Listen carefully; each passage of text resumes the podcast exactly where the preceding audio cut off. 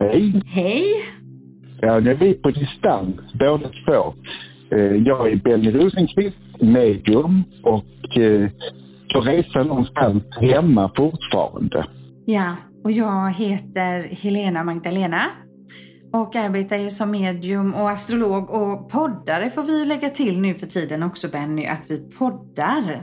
Ja, vi har ju börjat den här fantastiska resan att få lov att podda. Det är ju så trevligt att ha så många lyssnare. Ja, vi är så tacksamma för det.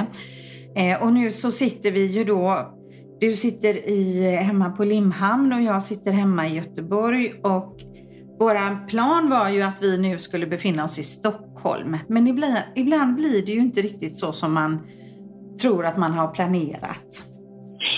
Och naturens krafter, de är ju magiska. För de styr ju det. Och det går ju inte att sätta sig upp mot dem. Så när de vill stoppa en så blir det stopp. Och då blir det mer med om innan. Ja. ja, vi har ju varit med om ganska spännande resor på väg upp mot Näras kryssning. Bland annat en gång när vi stod 12 tåg i Falköping. Där vi var många föreläsare och besökare till kryssningen som plötsligt satt fast. Eh, och vi lyckades ju komma upp till Stockholm men vi hade ju sån tur så att Viking Line kunde vänta in oss alla som kom här nere från västkusten. Så så kan det ju så kan det vara. Och nu så skulle det, det då komma ett stort snöoväder in här över Västra Götaland och södra Sverige med kraftiga varningar så att vi valde helt enkelt att inte ta tågen idag på morgonen. Så vi, vi får köra så här med online så ska det säkert gå jättebra. Och eh, jag har ju en berättelse om en kvinna som jag läste i Sydsvenskan en gång. Hon, en äldre dam som tänkte att hon hade aldrig flugit hela sitt liv. Hon var över 80 år stod där. Och hon skulle flyga till Stockholm. Men de kunde inte landa i Stockholm för det var dimma så hon fick ju komma till Oslo. Och då fick hon bo på hotell och hon fick se eh, statyparken och hon fick åka runt i Oslo. Hon fick mat betalt och bo på hotellet och hade det jättemysigt. Så fick hon flyga till Stockholm dagen efter. Och det var fortfarande dimma då så de fick landa i Helsingfors och då fick hon se Helsingfors och bo på hotell och den vackra arkitekturen som jag velat se i Finland länge och tyckte det var så mysigt. Fick äta på en jättefin restaurang skrev hon och det var helt underbart. Och sen dagen efter så jag landade i Stockholm. Men det var fortfarande dimma. Då kom hon till Köpenhamn. Och hon eh, bor på hotell i Köpenhamn, vilket hon aldrig gjort. Hon har kommit dit innan för hon bor i Malmö då. Men fick bo i Köpenhamn på hotell och kunde gå runt och titta i Köpenhamn mycket mer och tyckte det var fantastiskt. Det var det dags att åka till Stockholm igen, men då blev det Berlin dagen efter. Och eh, då så blev det tyvärr dagen efter hon hade varit i Berlin och sett allt det vackra i Berlin. och landade i Köpenhamn. Då var hon ju nöjd. Men hon tackade SAS för att hon hade fått uppleva så mycket i Skandinavien. Men Stockholm fick vänta lite grann. För hon tyckte det var rätt jobbigt men det var skönt att komma hem till katten.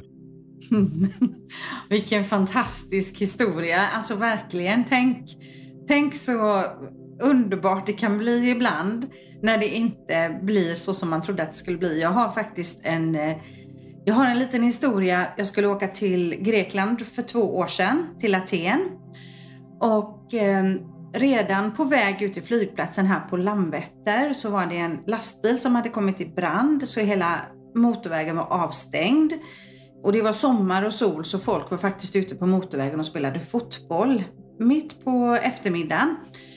Och eh, jag tittade på prognosen och vägen skulle öppnas igen efter mitt plan hade gått så det såg ju lite mörkt ut där ett tag. Men så tänkte jag det att vi borde ju vara många som sitter i den här bilkön och även flygbussen borde också stå stilla. Så jag hade tillit och kommer till Landvetter tillsammans med många andra passagerare. Och vi kommer faktiskt ut i tid till våran flight och kan checka in och går in och sätter oss på planet. Men då är det, då är det bagage som är incheckat på planet och passagerarna dyker inte upp och då får ju inte planet lyfta så att vi fick sitta stilla och de fick tömma ut allt bagage igen. Och när jag sitter där på Landvetter flygplats så får jag ett sms om att jag har missat min anslutningsflight då i, i Paris. På, ja ska vi se om jag kan uttala det här, Charles de Gaulle flygplatsen. Ja. Ja, så att jag visste redan där att jag hade missat anslutningen. Men jag flög ju ner till Paris och går ju gladeligen fram till Air France och säger att jag har missat mitt nästa plan. Eh, så jag behöver boka om. Och då sa de det att du är ombokad till sju på morgonen. Eh, då går din flight till Aten. Men, sa de, det finns inte ett enda hotellrum att boka. Vi har ett jättestort event här i Paris. Så du får checkar så att du kan åka taxi fram och tillbaka till ett hotell om du hittar ett hotell. Du får leta själv. Så jag var fortfarande vid gott mod och började springa runt och bara lokalisera mig på min gate och vart jag skulle vara. Jag började gå in på booking.com. Eh, jag hittade ett enda hotellrum och det skulle kosta 36 000 för en natt. Så det var ju inte ens ett alternativ såklart. Eh, och det var kväll och jag började bli hungrig och jag insåg att min gate skulle stänga för natten klockan 22. Så jag förstod att jag får sitta ute på gatan här i natt. Eh, så jag såg till att jag fick i mig lite sallad och jag satt där. Jag misströstade kan jag säga. Det kändes lite jobbigt. Och så gjorde jag så som jag brukar göra och började fundera på, okej, okay, vad finns det för möjligheter i det här? Vad kan det finnas för möjlighet nu? Och då tittade jag på de här voucherna som jag hade till taxiresor och så tänkte jag att även om jag nu inte får sova i natt på något hotell så borde jag i alla fall kunna få ta en taxi fram och tillbaks till Eiffeltornet så har jag i alla fall fått se det. Så jag gick ut där utanför och pratade med någon man som ansvarade för taxikön och sa det att jag har de här två voucherna och jag skulle vilja åka tur och retur till Eiffeltornet. Det finns inga hotell eh, och jag vill inte sitta här ute på gatan hela natten. Hmm, sa den här mannen. Det här har vi ju inte gjort förut men jag ska se vad jag kan göra. Och så placerade han mig där vid en stolpe så jag skulle stå där och det började bli så här tomt och ödsligt och mörkt på den här flygplatsen. Och jag stod vid den här stolpen. Eh, så kommer mannen tillbaka och säger att Jo, men jag, jag har faktiskt löst detta. Det kommer en bil hit och hämtar dig. Så jag stod kvar och så in kommer det en supersnygg vit Mercedes. Alltså jättesnygg bil kommer där och ur kommer det en jätteglad och fnittrig taxichaufför och, och liksom pratar med mig på lite halvt engelska och mest på franska och säger välkommen, jag ska köra dig på sightseeing, varsågod och hoppa in. Eh, så skrattar han och så säger han så här, vi har aldrig gjort så här så jag var tvungen att ringa min chef nu även att det är sent på kvällen och fråga får jag lov att köra fram och tillbaka till Eiffeltornet? Och den här chefen svarar att vilken härlig idé den här kvinnan har. Bjud henne på en sightseeing ett par timmar. Det är ändå Airfront som betalar. Så får hon se Paris. Och så åkte vi iväg in mot Eiffeltornet och så åkte vi runt i Paris i två och en halv timme på jättemånga kända platser. Det var så superhäftigt att få uppleva det. Eh, och sen kom jag tillbaks vid eh, halv fyra på morgonen ungefär var jag tillbaka på flygplatsen och då var det ju lätt för mig att sitta vaken ett par timmar innan jag skulle borda. Så jag har upplevt Paris en natt med privattaxi på ödsliga gator en ljummen sommarkväll för två år sedan. Åh, vad underbart! Det var nämligen så också för mig, för mig på kanske ungefär en 17 år sedan så hade jag precis gjort min första bok. Och jag fick så mycket brev, så mycket brev, så mycket brev. Och jag fick ju bli desperat. Jag kunde inte svara på dem. För det var så mycket så jag kände men det går inte. Och ett brev kom och det var precis också precis innan jul i slutet av december. Jag jobbade extremt mycket för det blev så mycket med boken. Och det lyste det brevet så jag öppnade det brevet. Och då stod det är du den Benny Rosenqvist som har skrivit Överlevaren? Fortsätt läs. Alla så kastade jag brevet. Men det var ju jag som jag skrev och så var det en kvinna som hette Annika. Och eh, jag läste brevet och jag ringde henne och sa hon, det är konstigt för jag har inte varit i Paris på 15, nästan 20 år var det då. Men jag ska till Paris nästa vecka och jag har köpt med en kompis, vi hade bokat resor, vi visste ingenting om Paris. Och jag ska flyga till en flygplats och sa hon, åh herregud, sa hon, det är långt utanför Paris. Jag hämtar dig. Och vad snäll du är, sa hon. Så hon hämtade mig utanför Paris. Och det var verkligen sju, åtta mil utanför Paris. Det var som i Helsingborg alltså. Och sen så sa var ska du bo? Ja, där. Så sa hon, vet inte vad det är. Så bodde jag sjunde eller åttonde arrangemanget utanför. Och där var bara kineser och färgade som bodde. Så var det ett designhotell jag bodde på. Det var jättefint hotell. Så mm. sa hon, jag har aldrig varit där innan och sett sådana människor, sa hon. Men då ställdes idén. För jag såg så mycket ljus i deras ansikten som var där. Och vet du titeln, vilken titel som kom till då? Nej. Ljusfolket. Wow. Jag såg ljuset i dessa färgade människors ansikte. De var så vackra och jag såg så mycket ljus. Så, så jag bodde där en natt så sa Annika, nej du får bo hemma hos oss istället. Och de hade en lägenhet också, extra gästlägenhet som jag bodde i. Och sen visade hon hela Paris. Och mm. jag fick också göra Paris. Hon har varit guide i Paris. Hon har jobbat som filmat på fina hotellrum. En svit som Madonna har bott i fick jag se. Och jag fick se Eiffeltornet, jag fick se Triumfbågen. Och jag fick, alltså hon gjorde det så fantastiskt den här människan. Och vi vänner fortfarande. Så Annika och jag vi umgås så mm. mycket, mycket goda vänner. Ett brev jag öppnade, en resa som blev annorlunda än vad jag trodde. Ja, så häftigt. Då, ja, så fint. Och jag förstod precis vad du sa där, att det var ett brev som lös upp, ett lysande brev. För det är ju så det blir med frekvenser. När det är något alldeles speciellt så kan man ju se på utsidan av ett brev att det, det här lyser. Så fint. Mm. Sen när jag var väldigt, eh, jag var väl en, ungefär 13 år, så hade jag en kompis och hans mamma var flygvärdinna. Och hon fick sån migrän. Så hon kunde inte flyga. Utan hon fick ligga i ett rum ute på Sturup och vänta på att kunna flyga. Men det planet som hon åkte med störtade. Så hon hade så mycket ångest att hon, hon, att hon inte flög, att hennes kollegor fick hoppa in och att hon dog. Men det var en mm. resa som inte blev av och det glömmer jag aldrig. Så ledsen hon var att hon överlevde.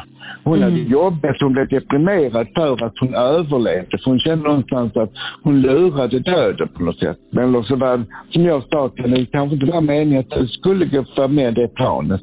Det skulle mm. inte vara därför ibland är det precis som vi blir, vi blir eh, ändrade planer för att vi blir räddade för. Ibland har det varit, en gång för mig när jag skulle ut till Svedala så kissade min hund utanför.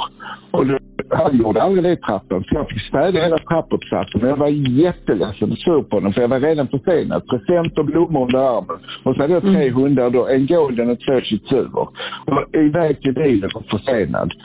När jag kommer till utanför så är det en stor bilolycka.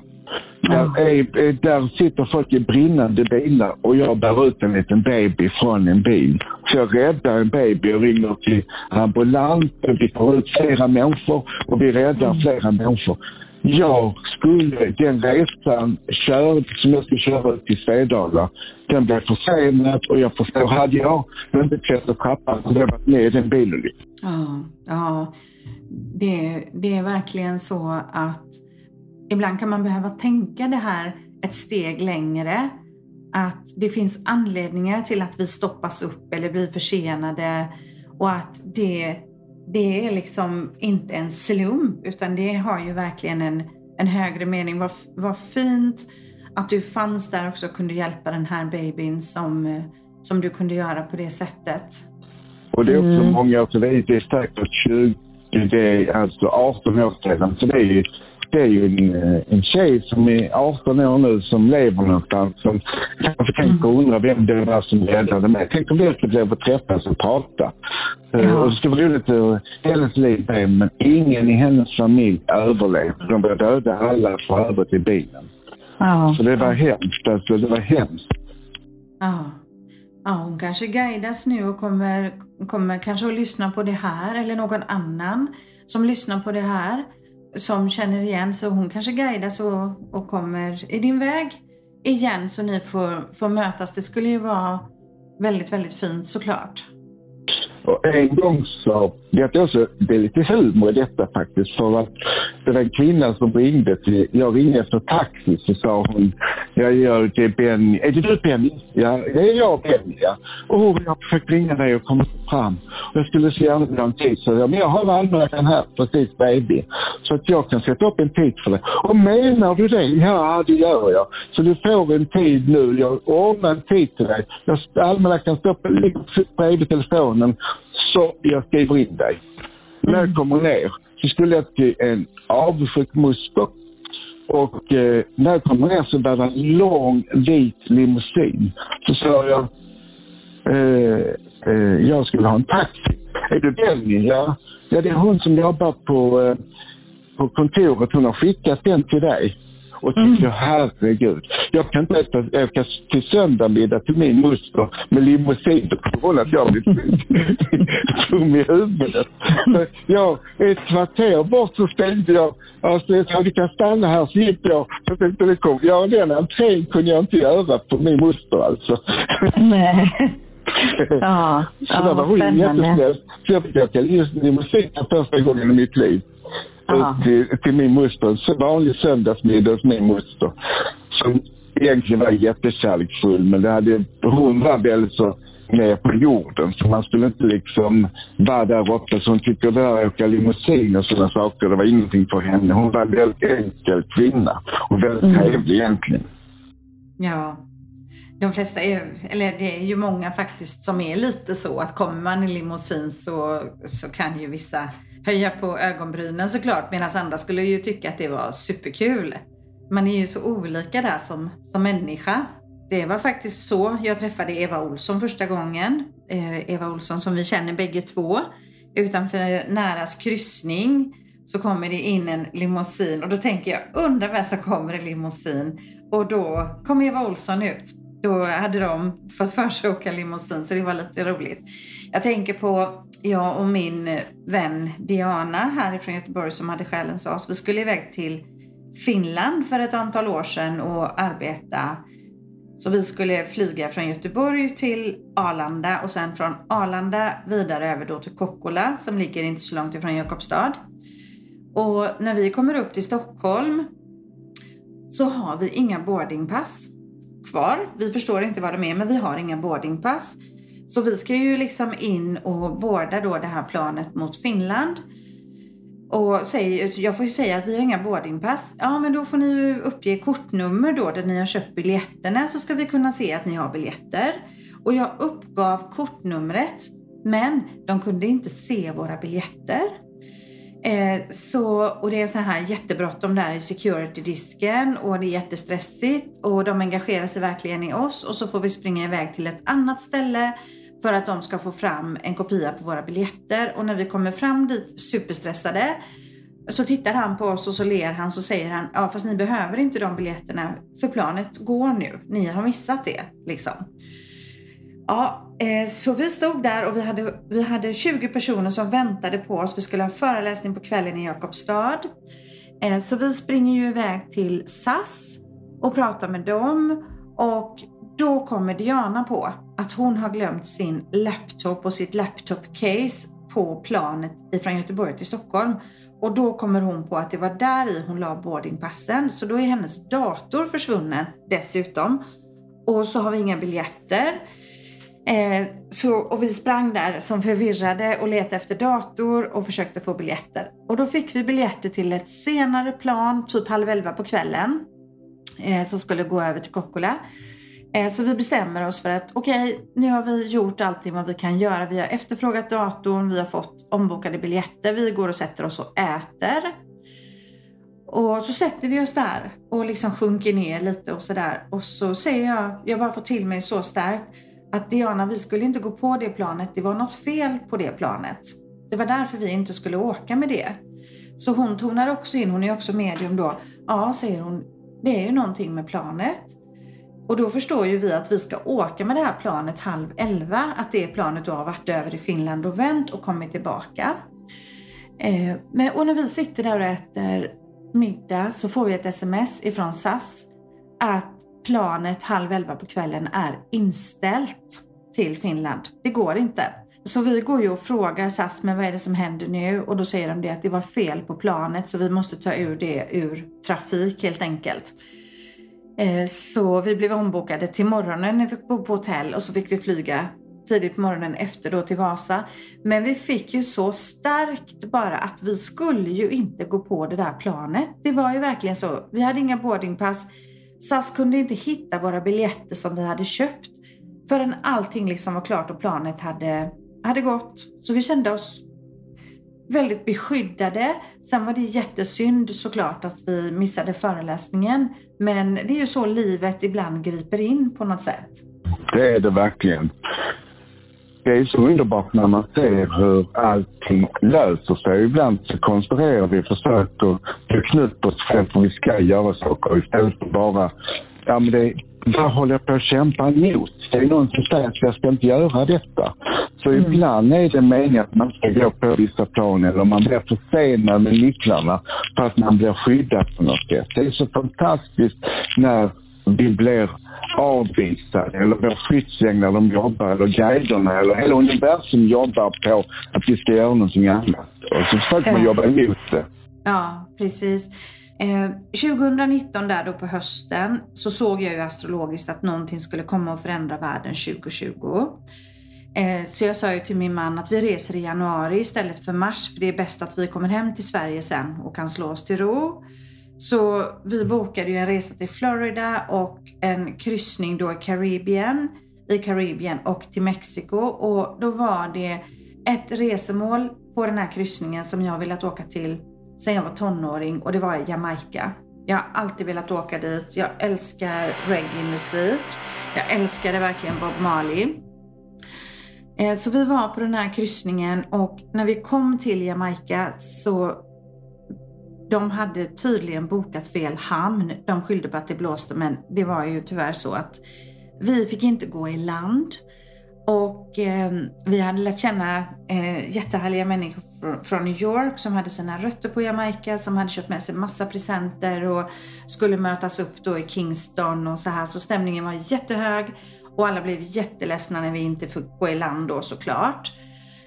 Eh, så vi fick åka vidare mot Cayman Island istället. Men där har jag en sån här liksom känsla som är jättestark och den föddes precis just där och då. Att jag vill åka tillbaka till Jamaica. Jag vill verkligen en gång sätta mina fötter på Jamaica och få uppleva det. Så när det har blivit lite mer stabilt läge så kommer, så kommer jag göra ett nytt försök och få gå i land faktiskt på Jamaica. För det är någonting i mitt hjärta som gör att jag inte kan släppa det där. Mm. Jag jobbar, jag var ledig tillsammans med en kille som jobbar på Tjäreborg för många, många år sedan. Och han fick ju sådana personalresor till personalpris. Och han ville så gärna att vi skulle åka till Miami. Men jag pratade med dem där uppe och sa att jag vill inte till Miami. Jag hade aldrig lockats dit till Miami. Och mm. eh, hela personalen var engagerad för de fick max hålla en resa i 14 dagar. Och vi skulle åka då i mars till mm. Miami. Så hela personalen höll. De var ju många som jobbade då på Tjäreborg, 40 personer. Så alla hade resan i 14 dagar. Så var det då dags att han skulle in till sin chef och säga att vi ska åka till Miami, jag och Benny. Sen gick in till Mikael då och sa det så sa ja för det första så det är under vårdprogrammet det är det faktiskt inte personalresa. Så du får inte åka dit. Mm. Och sen är alla personalresor helt fullt. Men det finns en resa ni kan göra den veckan och det är till Rom. Så ringer Mårten, som han hette, till mig jag tror du har pratat med dina gudar Lotte. För hel, i hela, hela världen, det enda ställe vi kan åka, så är det till Rom. Alltså hur kan detta vara, sa han. Hur kan det komma sig att vi ska åka till Rom och inte till Miami? Här har jag engagerat mig ett halvår i detta här. Och eh, så blev det att vi skulle åka. Dagen innan är eh, Mårtens mamma hos oss så hon pratar, pratar, pratar och pratar, pratar, pratar. Så vi packar snabbt. Så på morgonen så glömmer jag mitt pass på buffén hemma. Mm. Och då var det så att man var tvungen till att ha pass för att komma in i rum. Så länge sedan är det. Och vi åkte flygbåten över. Och så kunde vi skulle hinna fram och tillbaks. Och så vi ringde till ambassaden. Vi kunde göra ett pass där, svenska. Men de öppnade efter att vi skulle flyga till Rom. Och så sa de, och sen så hade vi en kompis som hade nyckel till lägenheten. Så då, vi kunde få vårt pass till Köpenhamn. Och då kunde inte Margot åka med det utan det fick Abdul som bodde i huset som var från Sudan. Han var tvungen att hämta sitt pass i bankfacket. Så han åkte över med passet till Köpenhamn och jag fick åka i vinst och förlust till Rom och kunde eventuellt bli hemskickad då igen. Så då fick Mårten vara kvar en vecka och jag fick vara kvar åka hem då själv. Vi kommer Mm. dit och jag blev insläppt och de tog bild på mitt körkort som jag hade med mig. Och då satte de det där och tog kopior på det. Vantet, vantet, vantet, två jag. Så då kastade de snart ut mig. Så jag smög i gatorna. Och när vi kom till hotellet så sa de, ja ni i Kärrborg representanter, det är vi dubbelbokade här. Så ni får varsitt enkelrum. Och jag fick ett, ett, en säng som var så böjd så att man kunde, jag hade fått upp i ryggen och ligga i den. Den var så dålig säng. Och det var bara en liten lucka. Man kunde inte öppna fönstret för där de byggt en hisstrumma. Så man kunde inte se ljuset där. Så jag, jag kan inte sova i detta rummet. Så vi sov i Martens lilla, den där lilla sängen sov vi två personer, två vuxna män. Och så och kunde inte se ljus in i rummet. Och vet du vad det gjorde hela den veckan? Vi hade övervikt på resan hem och det var inte för att det var kläder som vi hade köpt utan det ösregnade. Jag har aldrig varit med om att det regnar så rum som den. Mitt älskade rum har jag sett så blött som den gången. Så vi gick runt och han var jättesur. En vecka efter när vi kom hem så var vi separerade. Ja. Ja, Ja. ja. Så det, det var vår sista resa och det blev inte som vi hade tänkt oss slå av oss. Nej, precis. Det blev så mycket utmaningar på, på en och samma gång. Ja, precis. Så att när livet utmanar så, så vi fick till oss att vi skulle inte ha rest i Rom och vi skulle inte ha rest till Miami. Och egentligen skulle vi ligga avslutat redan då, innan. Men eh, och det, han var så så han kunde inte hälsa på mig i många år för det var jag som gjorde slut. Men idag, och vet du var han bor nu och vem som hälsar på mig nu och är jättetrevlig? Det är Mårten. Han bor med sin nya partner här i Limhamn. Visst är det häftigt? Ja, Så nu så nära häftigt. Så nu har cirkeln slutit positivt. Så när jag kommer med mina hundar så hej hej sa de båda två. Hej Benny! Så nu är vi kompisar igen efter så många år. Ja, ja, vad häftigt ändå. Det här att man kan skiljas åt och så möts man. Jag tycker om det där du vet att filosofera i det här att cirklarna sluts, man möts igen på något sätt och så känner man den här känslan av ja, nu kan vi sätta punkt för det som vi har varit med om för länge, länge sedan. Jag tycker det är jättefint. Jag tror vi möter alla minst en gång till i livet som vi möter på något sätt som är viktiga.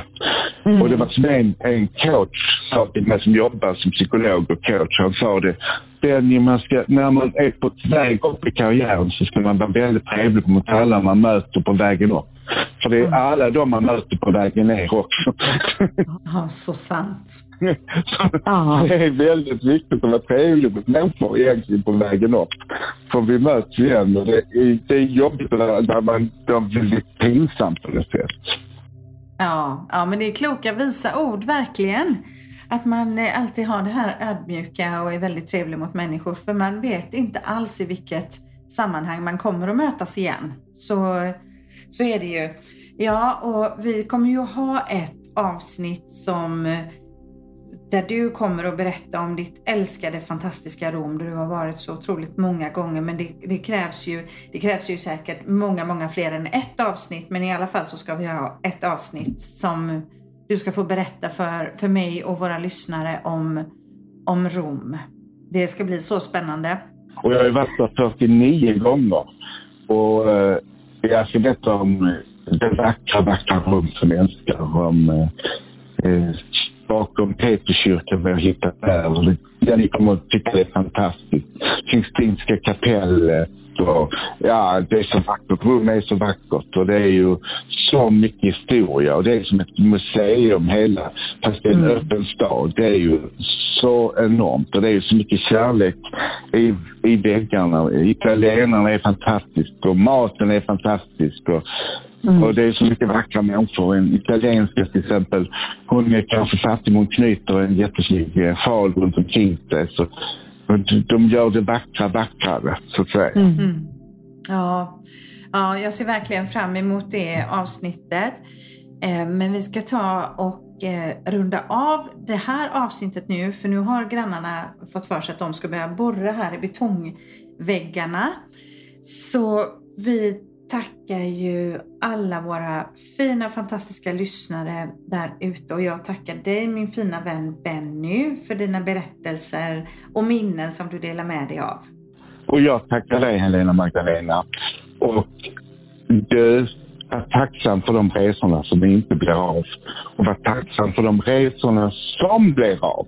För eh, när vi reser så är det minnen och det är, så, det är de värdefulla minnen som vi bär med oss när vi är gamla.